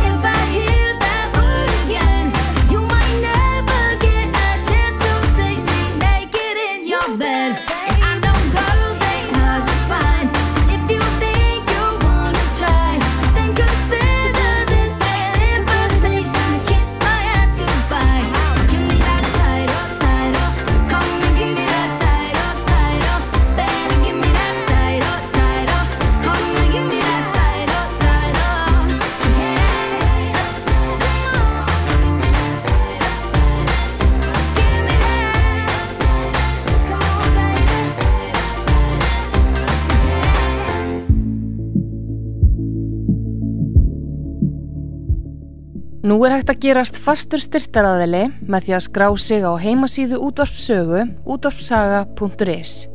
Þú velur greiðsluleið, gíróseðil í heimabanka, debitiða kreditkort og upphæðað eigin vali. Takk fyrir stuðningin og takk fyrir að stuðla að auknu tjáningafrelsi í landinu. Útvarpsaga og útvarpsaga.is. Gjörðu svo vel. Já, takk fyrir góðan daginn, Pétur Eittíka Sæl, og blessaði Pétur. og. Er ekki, ég var að hlusta á því gærhendi í sambandi leigubistarum. Já. Já, ég er alveg hjartar að sammálunum og svo vil ég senda smá til og hérna ferðarhörstuna Já. að við erum bara allt í leið að þeir fara nú hísi upp þessi böksun og ráði Íslandinga vinnu. Það er nóg að vinna, þeir bara vil ekki borga þau leið sem eiga, eiga skili. Já, já. Nei, það var bara að flytja inn, inn, innlend, hérna, ellend vinnuafl Já. og, og það skiptir engum máli hvert að viskið það maður skilur eða, eða getur komið fram hérna ánægi sinni eða ónægi. Þetta er bara að verða að plóa bara í vestlunum og hjá þessum stóru fyrirtækjum. Það er eitt í þessu sambandi, Pétur, að, sem skiptir máli finnst mér, það á, gera, það á ekki að gera fólki erfitt fyrir sem er eldri borgarar að vinna. Það er, það er eitthvað, þeir sem vilja vinna, og þeir eru auðvitað Já, já. margir og, fjölgar vegna þess að, að, þá skiptir það verulegu máli. Þannig erum að ræða vinnuafl sem er hérna eh, mjög gott og, og samvisku samt fólk upp til hópa og hvers vegna verða útiloka þarna möguleika með einhverja gamla reglur um að þeir hætta að vinna um sjötut hjá hennu opinbera og svo framins. Ég held að það sé miklu skynsanlegra að við höfum frálslindari reglur gagvart eldri borgurum að þessu leiti og þá þarf ekki að fara þessa leið sem þú ert einmitt að segja. Nei, ég er alveg hjertalega samanlega. Ég er byrjað að vinna 14 ára og með sér fyrir og, og ég hætti 71 árs og Já. ég get ekki sé að það hefur skemmt mér neitt og ég Nei. hef verið öryggi síðustu tíu ára. Ég vann samtíma 8-10 tíma á dag um helgar Já, já, og hérna á, borgaði af því en ég finnst bara þetta væl í þeim og eins líka kaupmörum sko þetta er svo mikið útlendingum og ég, ég sé bara bæði ég og yngar fólk sem að hefur flosnað með skóla það bara kann ekki dænsku já, já, já, og svo eh, og, ég vil bara að þetta íslenska unga fólk á hvað aldrei sem það er að það bara fara að hýsa líka fyrir sig brekkun og, og taka vinna það sem fær og vinna sig það bara upp stíðan það þurfti ég að gera Já, sko, vinnan- Við búum í þessu landi út af vinnuframlægi fólks, það er ekkert öðruvísi. Það er Nei. vinnan sem skiptur öllu máli. Ekki, og ekki má gleyma því að þegar að vandamál hafa komið upp, fjárhagslegir erfileikar og annað, þá hafa Íslendingar verið að vinna, farið jafnvel til útlanda, hér er atvinnuleysi, tímabundi, til að vinna, vinna sig upp, já. úr, vinna sig frá þessu vanda, fjárhagsvanda, Já. í staðin fyrir það að bara láta einhver aðra leysa það fyrir sig. Já, ég, veit að þarna eftir uh, bankarunnið að ég viss, vissi menn sem voru mjög mentor og eðlir og ætla að segja vinnu Já. og það var bara sagt við hann, heyrðu, hvað er þetta mentor og, og hvað er hvað. Nei, því mér við getum ekki borgað svona hálf laun og ég, ég veit um fjóra sem sagði með það að svo, heyrðu, ég hef ekki nefnt nei laun. Nei, nei, Ha, og mikið þessu fólki fórsvar til Noregs og já, við. já, já, já. En það var alltaf bara launin. Ég veit um eitt sem fór hérna og fór og vatna fyrr lærði fiskilsfræðingur og hann var spurðið í sambandi uh, launu og mentuna, hann sagði það þeir, hann er hann yfir í dag hann sagði bara ég skal bara byrja í móttökun ég er bara að fá vinnu Já, já, já, já, það er rétt. en það er bara að vera móttöku hjá þessum eins og ég ferða þau svo við að það er að útlokka okkar ísling og fara á bakfyrir svona ími skjöld og annað og, og hlyti svo bara nóga mikið ellend inn og inn þó að margt þessi mjög duglegt og gott Já, já, já, og við þurfum þess í mörgum tilfellum.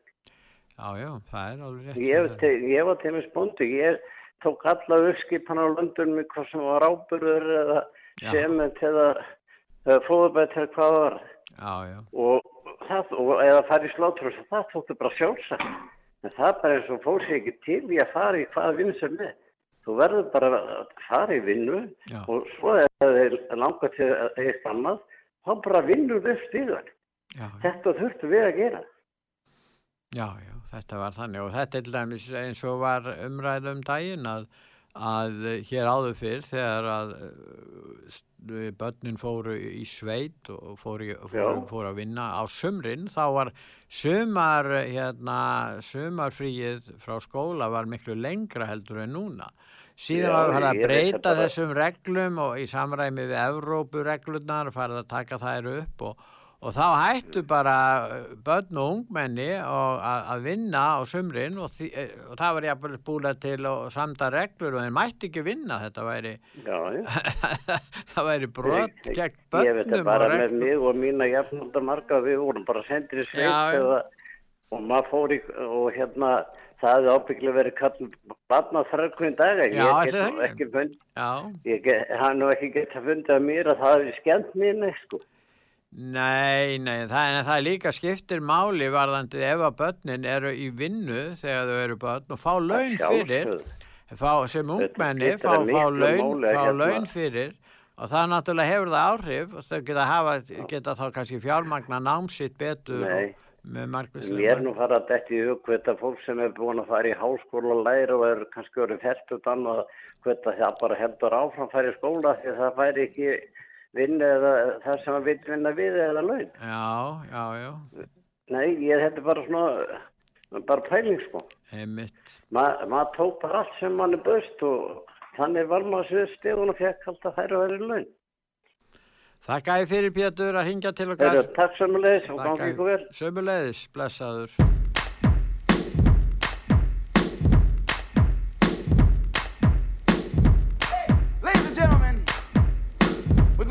special treat for you tonight. I'm gonna call my friend Ali up here to, to sing to you ladies. Ali! Let's go, man. My name is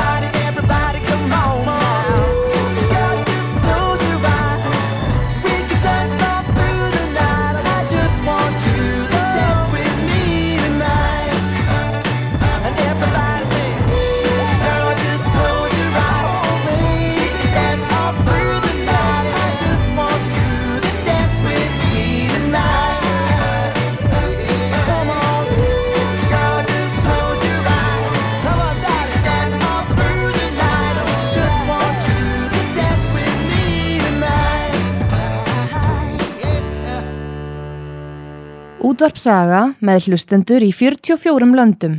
Útvarpsaga.is Gjörðu svo vel, hvað heitir þú? Voðalega langar mig að byrja hérna á hvað Gilvi Þór er dómharður á það sem að Nína hefur að segja. Já. Nína hefur, Nína hefur hérna orðið, hún er ekki eins orðkvöss eftir að fólk baða hann um að vera það ekki og hún kemur bara sínu málefni á framfæri og, og, og hún rannsakar þetta alveg í þaulinn. Ég, það heyrist alveg á henni og hún er bara að, sko, að hlusta á fólk með annar, aðra skoðanir en gengur, gerast og gengur hér í, í hennum almenna fjölmiðil Já. og í raun og veru mætti þessi um, umræða að vera meira mainstream því að það er fullt af virtum sérfæðingum sem að sem að eru að, að tala um þessi mál sem að tengjast til dæmis hérna stóra síðinu Mm. En það sem ég hef gert bara, ég er hægt að fara inn á vísir og svoleiðis, ég, ég skoða aldrei neina tölur. Nei. Ég er alveg hætti, ég er búin að fá upp í koka á þessu og ég hugsa bara að ég verð að geta hérna að lifa mínu lífi án þess að vera endalaust að fá þessar tölur og þennan heila þvott í heilan sko. En Þú veist og það fór alveg fram og mér grein frá vísir eh, um helgina eða fyrir helgina það sem að var tekið á Delta og, og Omikron og sá viðmælandin var ekki læknir og, og hérna og einhver, en hann var samt einhver sérfræðingur og þannig já sko við bara sko þeir getur bara farið þannig að sko Omikron bara espi upp Delta sko. Þú veist svo, þetta var bara þetta var bara hræðslu áður frá áraður frá aðtölu þau við vitum á sko vel að Delta er að fjara út er, það eru voða fáið sem fá Delta. Já. En, en finnst þér ekki sé- sérkennlegt að það sem ég var að greina frá þessu sem er að gerast í Austuríki núna þegar að uh, þessi Omikron veira sem er ekki eins hættuleg helsufæri fólks uh, er drottnandi og, og fáir, fáar innlagnir sem betur fer á sjúkrahús þá skulle vera að vera innleiða svona þvingandi aðgerðir og, og hérna í, í, í ríki sem á að vera líðræðisríki að vísu með dökka fortíð í stjórnmálum.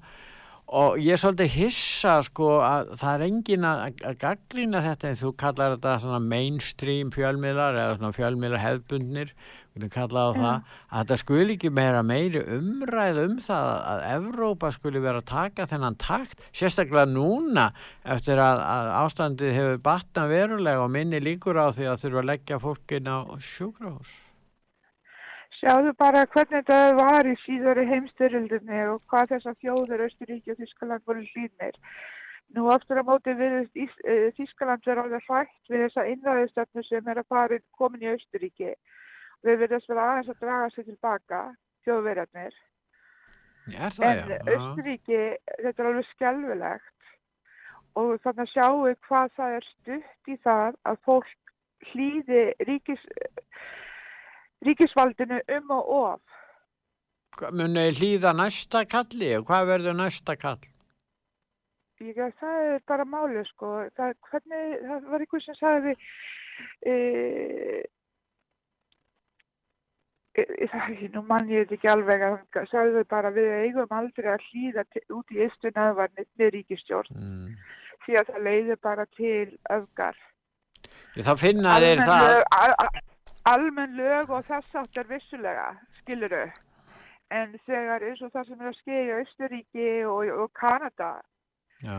að hérna, þetta er náttúrulega bara, þetta er náttúrulega bara stór hættuleg þróun og lámars sagfræði vitund sagt, um sögun okkar, um Já. sögu mannkynsins og á síðustu hundrað árum að sko það lámars kunnat á þessu myndi vera vekja upp alls konar bjöllur í heilum fólks út um allt sem býtum við, við förum ekki þangað aftur. En það er anteglisvert í, í Kanada, þannig eru fluttings, uh, já, þessar bílalestir, uh, er að lami í raun og veru hluta hagkerfisins uh, vegna þess og sýnir mikilvægi þessara starfsemi þessara fluttingabíla. En það komi fram við þá eins og þeir séu bara einhver staðar ambáttir eða, eða þrælar eða eins og segir glæpamenn og það er bara umgangast þetta fólk þannig og það er ekkert hlustað á það. Og svo hafa þær fósittisráð þarna sem hleypur í felur þegar þeir byrtast í staðan fyrir að ræða við þá.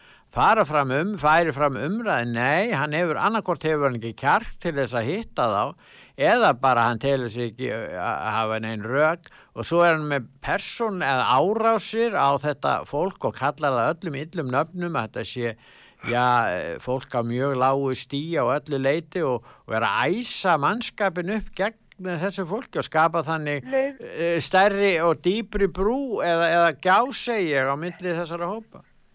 ef mér bara leiðist þetta fólk, þetta fólk sem er að mótmæla svona aðgerðum, þetta fólk eins og þessi vörubílstjórar og fólki sem stendur í öllum öðrum út í Austurík, hvort sem við er bólusett eða óbólusett. Þetta er fólki sem, þetta er fólki með sama eðli og sömu kvartir og fólki sem barðist gett Hitler og öllu þessum einræðustefnum í heiminum, í Evrópu sérstaklega og síðar í Rúslandi þetta fólk er fólki sem stendur upp í þessu, hefur þóra dug og kjark að segja það eru takmörk fyrir því hvað við samþykjum og vera neitt til þess að bera passa, vera, bera vegabeð, gefa eitthvað til að sanna eitthvað um okkar persónulega heilsu er gengið of langt. Og það minnir alltaf mikið á fortíðuna og þegar ég sá ekki alls fyrir löngu myndband af lí- af 11 ára stelpu, hún hafði ekki pappirina með sér í New York. Hún var handtekinn af lauruglunni þegar ég sé myndir að gamalli konu bara niður í Þískalandi þegar þeir öskraði hana papíri, papíri, papíri og hún sagði ég er ekki með papíri, ég er ekki með papíri, ég neita að vera með papíra í Þískalandi veist og maður, maður sagði bara býðu nú við af hverju er heimurinn ekki að hrópa sig hingað og ekki lengra? Ég kveði bili, ég byrði ykkur góðra helgar og bara njóti dagsins, takk fyrir mig ertu ein eftir erfiðan dag? Því að ég man að þú skrifaðir allt niður á blað. Nú ertu ein manna. Af hverju ein manna? Þú sýndir mér margt sem að ég hef í kleim Nú hlýtur einhver annar að vera með þér. Nú er ég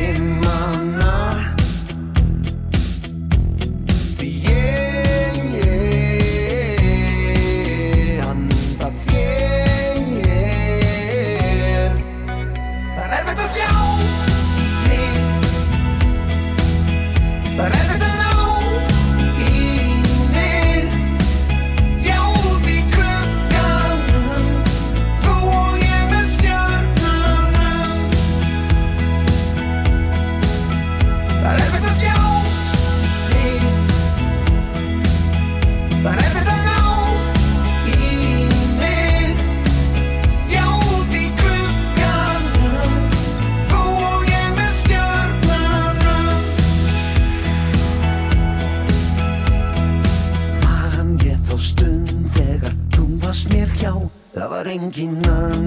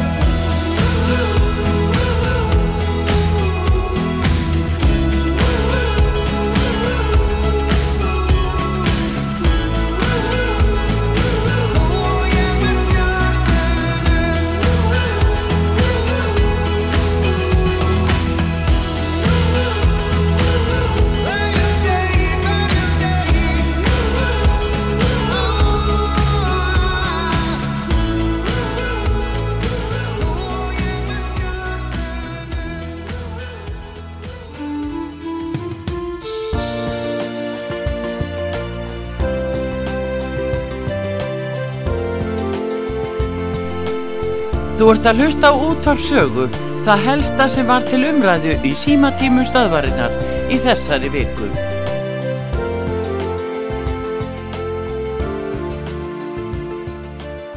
Þið er að hlusta á útvarp sögu og útvarpstjórin er mættur Artúr Karlsdóttir. Já, góðan dag. Góðan dag. Góðan dag. Heyrðu, stóru málin í dag, þennan daginn, hvað segiru? Hvað er fólk helst að ræða? Já, það er náttúrulega framöndan eru, eru kostningar í, í verkalýsfélagi. Já, eblingu. Eblingu, sem að 26.000 þáttækundur í, í þessu stéttafélagi hafa rétt á það að rétt að kjósa formann sinn. Já. Eh, formann og, og það er náttúrulega ykkur umræða um það. Já, þau eru þrjú. Já. Uh, það er Guðmundur, það er Solveig Anna og uh, Óluf Helga. Og Guðmundur hringdi í mig áðan. Hringdi hann sjálfur? Já. Já, hvað sagði hann? Hann var, eh, já, já, hann var svona leggja áherslu á það sem hann lagði áherslu var svona grassrútastarf og, og Mhm. hérna ímislegt fleira sem að skiptir máli innan reyfingarinnar. En hérna, já, Já, þetta verður mjög spennandi og tvísýnt eða hvað. en það er, ég var líka, það eru prófkjörinn er að hefjast núna. Já. Og hérna, og uh, þar er uh, kona, Ragnhildur Alda María Viljánsdóttir, hún ætlar að sækjast eftir efsta sætinu á lista sjálfstæðisflokksins í borgarstjórn Reykjavíkur. Já, það er komið ný manniska þar. Já. Eh, Ragnhildur Alda, hver er hún, svo ég spyrji? Já, hún er vara borgarfulltrúi Já. og hérna, hún ætlar að sækjast eftir því. Ég veit ekki hvort ætla að koma með sér lista þarna í sjálfstæðisflokknum.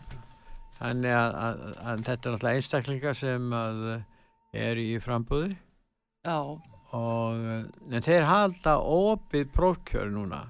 Já. Og það er, já, opið prófkjör.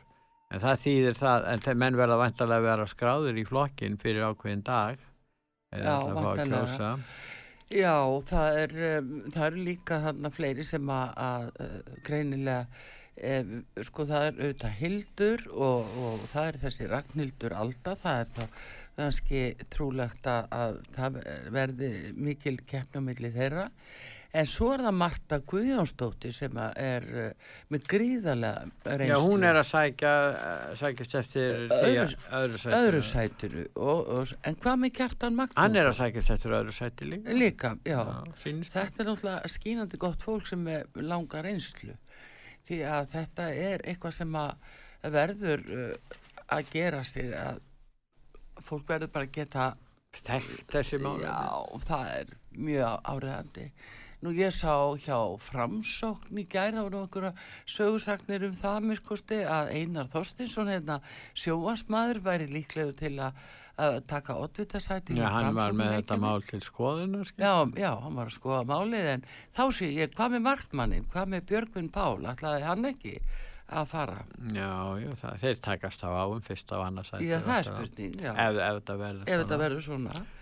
En þetta er svona að, að byrja að leka út hverjir er að fara fyrir flokkana Já. og ég sá einmitt líka núna að miðflokkurinn þeir að vera með prókjör uh, sem sagt uh, Vigdís eh, á öllu landinu í einu og bara fyrir Vigdís flokksmenn. Hauksdóttir er, er eh, fulltrúi með flokksins í Já, borgarstjórn. Vigdís er leitóin, hún er nú til allsvís, ég meina hún er með svakalega reynslu.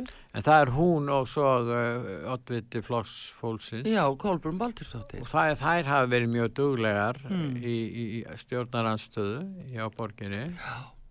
Og uh, það er spurningi hvernig það er uppskera. En maður er ekki alveg fengið svona fréttir af því hverjir fleiri eru þarna eins og já, flokki fólksins, maður veit ekki hverjir aðrir en Nei. þarna eru náttúrulega abraskóðir varamenn og, og sem eru þarna að voru á lista, maður uh, fær ekki fréttir af því hvort Mm. að það fólk að halda áfram. Og svo er það náttúrulega prókjör samfélkingarinn. Svo er það Samfylkingin og það er núna um helgina. Og þar eru það 16 mann sem taka þátt í. Já, hvorki meirin minna og dagur er bara einnum efstasæti. Já, hann er sjálfkjörinn, má segja. Já, þetta klappa strax. Já. Og hérna, en s- ö, svo er það Heiða Björk, hún ætlar að halda áfram og, og hverji fleiri eru þarna. Já, Hjálmar Sveinsson og Skúli Helgason Já, eru þarna. þeir eru með mikla reynslu. Já. Feikilega mikla reynslu Þeir báður. ætla að fara. Já. Og svo Sabín Leskov. Já. Hún er svona sækisætti þriðja og fjóraðsætinu. Og já, þarna eru fleiri. Guðmundur Ingi Þórótsson. Já, þannig að, eh, já, já, það kemur þá bara í ljós og, og hérna, En vinstri grænir. þetta, pró, eh, þetta, þeir kalla þetta flokksval. Já. Þetta er rafrænt flokksval Já. sem fer haldi núna um helgina. Já, já. Já, þannig að... Þetta verður er heilmikið fjör, Á sko. sunnudagskvöldið. Já. Þegar menn er að fara að skoða verbúðina þarna. Já. Þá, hérna, þá, þá fá þeir úrslitin og Já. niðurstöðuna. En, en talandi um verbúðina, mér fannst þú svolítið góð hérna samsæriskenningin hans uh, hérna, Gunnar Smára. Já. Hún er svo að, að ástæðan fyrir því að það er að taka stjórnbánamennir og farin að tala núna lagsins um að taka rúf af auðlýsingamarkaði er óanægð þeirra með þennan þátt verbúðina Já, en sem verður að deila, deila á hérna, sjávarútið stefnu ráðamann á Íslandi og sögulega er þetta rakið svona í, já, með ákveðnum hætti sem hefur vakið aðtikli Já, segir Gunnar Smári þetta. Gunnar Smári, mér finnst þetta ágætið samsæðiskenning Þetta hún er allavega fyndin. Já, ég veit það ekki, þetta er svolítið merkilegt að, Mm. að, að hérna menn skuli, að, skuli vera að fjalla um það núna að, Já. að hætta að, að þeir fá ekki, þurfi ekki að auðlýsa. En þeir náttúrulega eru með, tekjur þeirra hafa farið mjög vaksandi uh, ver, vegna sko útvarskjaldsins. Já. Vaksa, og síðast um 500-600 miljónir á já. ára. Jú, jú. Já, er þetta er að aðtiklisvert að þetta kom upp núna, Vi- vissulega tímasetningin er svona nokkuð merkileg, Já. en eh, svona talandi um þessi prókjur þá uh, veistu uh, eitthvað um, í Reykjavík um vinstri reyfingunum grænt frambóð Nei, það er verður líka prókur. Já. Prókur, já, já. og Það- svo eru það sósialistarnir. Já, já, það er hún, hún Sanna er, Sanna Magdalena, já, hún er þar í efst, var í eftirsæti, ég veit ekki hvort, þið- hvernig það hvort það fari eitthvað fram val þar eða hvort að, að eh, þá stopnarnir flokksins stilli upp lista, ég Mm. veit ekki hvernig þeir standa því. Og svo er það þá viðrest. Já. Þar ætla þau að fara, hún þótti bæði. slóa, já, já, já, já. Hún stefnir á eftir Pavel áfram. ætla og- líka að fara. Já, Pavel. Já. En þetta er svo er alveg- það náttúrulega píratarnir. Já, heyrðu, píra- Þeir eru svona, já, þeir, eh, það er spurningin, nú er sagt að píratum gangi vel í Reykjavík Já. og í skoðanakönnum, því að fylgið þeir eru aðalega hérna í Reykjavík, eins og hjá viðreistreynda líka og uh, þá er aðtækisverð hvort að hvernig þetta fer hjá þeim. Já, hvort að þeir eru önveru bjargi meira hlutanum, píratarnir. Eins og síðast. Í, Já. já, var, Nei, var já. viðreist, það var Já, var viðreist já. en það er en sama. það er trúlega þá Dóra Björn sem Já. stefnir á að leiða fyrir pírata.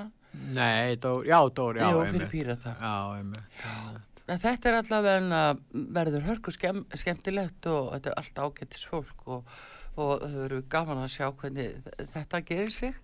Já, en það er náttúrulega, sko, það sem við hefum vakið aðtikli margra er að staða stjórnaranstöðuna skul ekki vera sterkari vegna þess að, að uh, það er ímislegt sem komið hefur fram hjá meiri hlutum eins og fjármálin og, og skipulasmálin og þetta borgarlínan og fleira sem hefur kallað fram mjög harða gaggrinni Já. en einhvern veginn hefur það ekki gerst að, að uh, þeir hafi náð vopnum sínum hjá í stjórnaranstöðunni hérna í Reykjavík Þetta var nú allt og er, nátt- skýrast. og það er kannski vegna þess að staða sjálfstæðisflokksins hefur verið að vestna á síðustu árum og á þessari öld í Reykjavík Já. og það er til dæmis þegar að Vilhjámur á sínu tíma hann fekk sjö menn hann sem verið 2006 Það var- já, hann fekk sjö menn og síðan, síðan, síðan var, var hann Ólafur F Já. sem hafði verið í sjálfstæðisflokknum fó- fór fram fyrir frjálsindaflokkin Já. þannig að þeir voru faktist uh, að hafa segja að verið svona borgarlegur meiri hluti Já. þá, sem að vísu fór ekki vel að, að en, það breytti því ekki að að, að En síðan kemur já, Já. síðan kom síðan fór þetta en síðan var kosið aftur og þá voru sjálfstæðis með held ég með fimm menn Já. á tímabili eftir það Mm. Og hérna Þetta verður spennandi, þetta er skemmtilegt. Og og bara, en ég nú að segja það, ég heyri samt í fólki sem að hefur verið beðið að taka þátt í stjórnmálum og núna í kostningum og það vill ekki gera það óta við að lenda í einhverju mullinsvél inn í aðtóðsendakerfum. Já, og að- það er að bara vera alveg- fórnarlega um skýtadreifar Já, það er orðið mjög alvarlegt mál að fólk telur sig ekki eða vilja leggja það korki á sig eða fjölskyldu sína að taka þátt bara út af uh, Já. nýðmælum það Já. er uh, alveg afleitt. Nýðskrifum. Já. Já.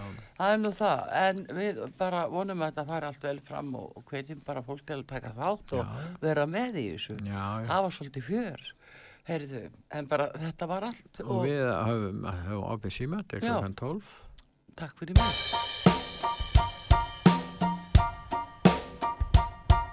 You can't manufacture a miracle. The silence was pitiful that day. Love is getting too cynical.